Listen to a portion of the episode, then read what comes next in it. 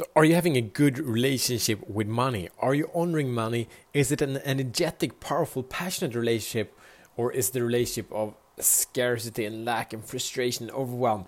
All right, so today it's an amazing show because we continue in the money week. We speak about money, money, money, money, money, money all week. It's time to level up, okay? Create bigger, more powerful impact and income. So what is going on now in this episode? We're gonna see how is your relationship with money. Do you do you value money, and would you like if you were money, would you like to be friends with yourself, right? Are you a good friend with money? That's kind of it. So welcome to Shut the Fuck Up Minute. This is Matt Fyron. This show is for men that are ready to free themselves from the prison of playing small. And we do that to show the fuck up in the areas of, of purpose, passion, power, and profit. We live life beyond compromise. Are you ready? Let's go. All right. So the problem is that a lot of people they are having a desperation, they lack of a scarcity of money and what happens then is that money is in relationship with you. You are in a relationship with money. You feel that, right? Can you feel the relationship with money? If you imagine that to a person, imagine that your relationship to, you have with money to another person. Maybe it's it's it's your parent or it's a friend, someone you like, you maybe dislike. Maybe you get the same feelings in your body about money as you do thinking about another person. So are those the feelings you get from your lover or your kids or someone you really like and care? Like, wow, feels so good, you know? or is it this like someone you really hate, someone you really don't like? So, so what is that for you, right? So the question here is money feels you and you feel money, right? So how can you create that into an honorable relationship? So there's this image. So imagine that money is like a bird. If you hold it too tight, it dies, right? If you hold it too loose, it flies away.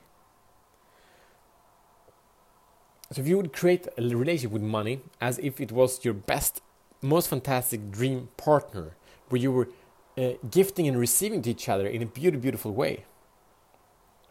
So how can you make it for money to be excited to be with you? Because if you're the best place for the energy of money to be with, money will come to you. Does it make sense? If money have, has fun doing with being with you, it's great. And there are a couple of different kind of personalities here. And one of the personalities of money is the personality of the greedy one. It's the saver. It's like hoarding the money. And it's hoarding because of fear, because of projection. Oh, gotta get, the, the, the, the saver gotta hold on to money in, in scarcity because it believes it's gonna fly away. So imagine that relationship. It, if it's really tight, there's no freedom, there's no, no joy in that. And I just had that mirrored back to myself because I'm such such a person. I'm a saver. Uh, but money, as everything else, want to be in movement. You know, depression it means deep rest. So if you put money in deep rest uh, state, just keeping it in a box or in a bank account, it gets sad. And it want to leave. It's like, oh shit, where? How do, can I get out of here?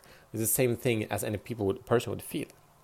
All right, and so, and then there are other people that that are spent just throw money away. You know, it's uh, on this day of the salary, just go out and they shop things and like I don't care, they don't appreciate it, they just throw money away, right? And that's not even in honoring way. So imagine having a relationship with such a person. You know, they don't really care about you. You just number, and and they they will find you'll be replaced any moment. It's not much fun, right?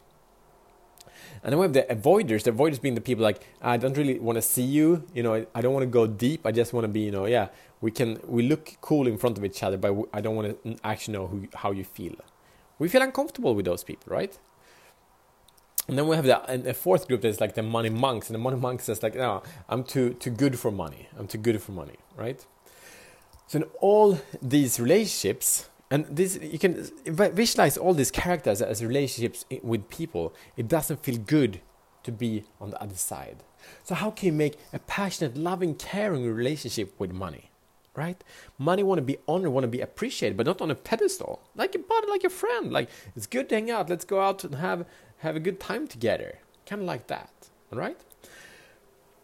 So here is your mission. Should you choose to accept it? Number one, track your money. Meaning, there are a bunch of apps, start tracking your money. In the Life Mastery Planner, we track money every day. We track your net worth every day to see your liabilities, your debt, and, and, and uh, uh, what you owe, and your assets. We check in on that every day. It's a super powerful way. So what you track, what you focus on, where, where focus go, energy flow, and results show. Make sense? Right? So track. Number two, have an intention. So when money comes to you, and it does many times, right? What is the intention? Where am I sending this money? What's the purpose of that? It's like if the if the person, oh shit, I'm not gonna pay these bills, then then it's a place of, of desperation. But if you, if you have an intention, just as we do on all the Life Master Planner, with the people we care about, we set an intention every day. We set an intention. It's powerful. Magic starts happening when we set an intention, and start creating our own lives. Does it make sense? Cool. Huh? So when you receive money, what is the intention? So we can put that into different kind of accounts, different buckets with different purposes, with different alignments, with different outcomes. Meaning you put money it's like hey thank you money for being in my life. You have a purpose. How, do, how does it feel to be in a relationship? Where you feel purpose? Where you feel connection? Like it's good right? You want to work for an organization in business you want to run a business where you feel purpose? Where it's direction right?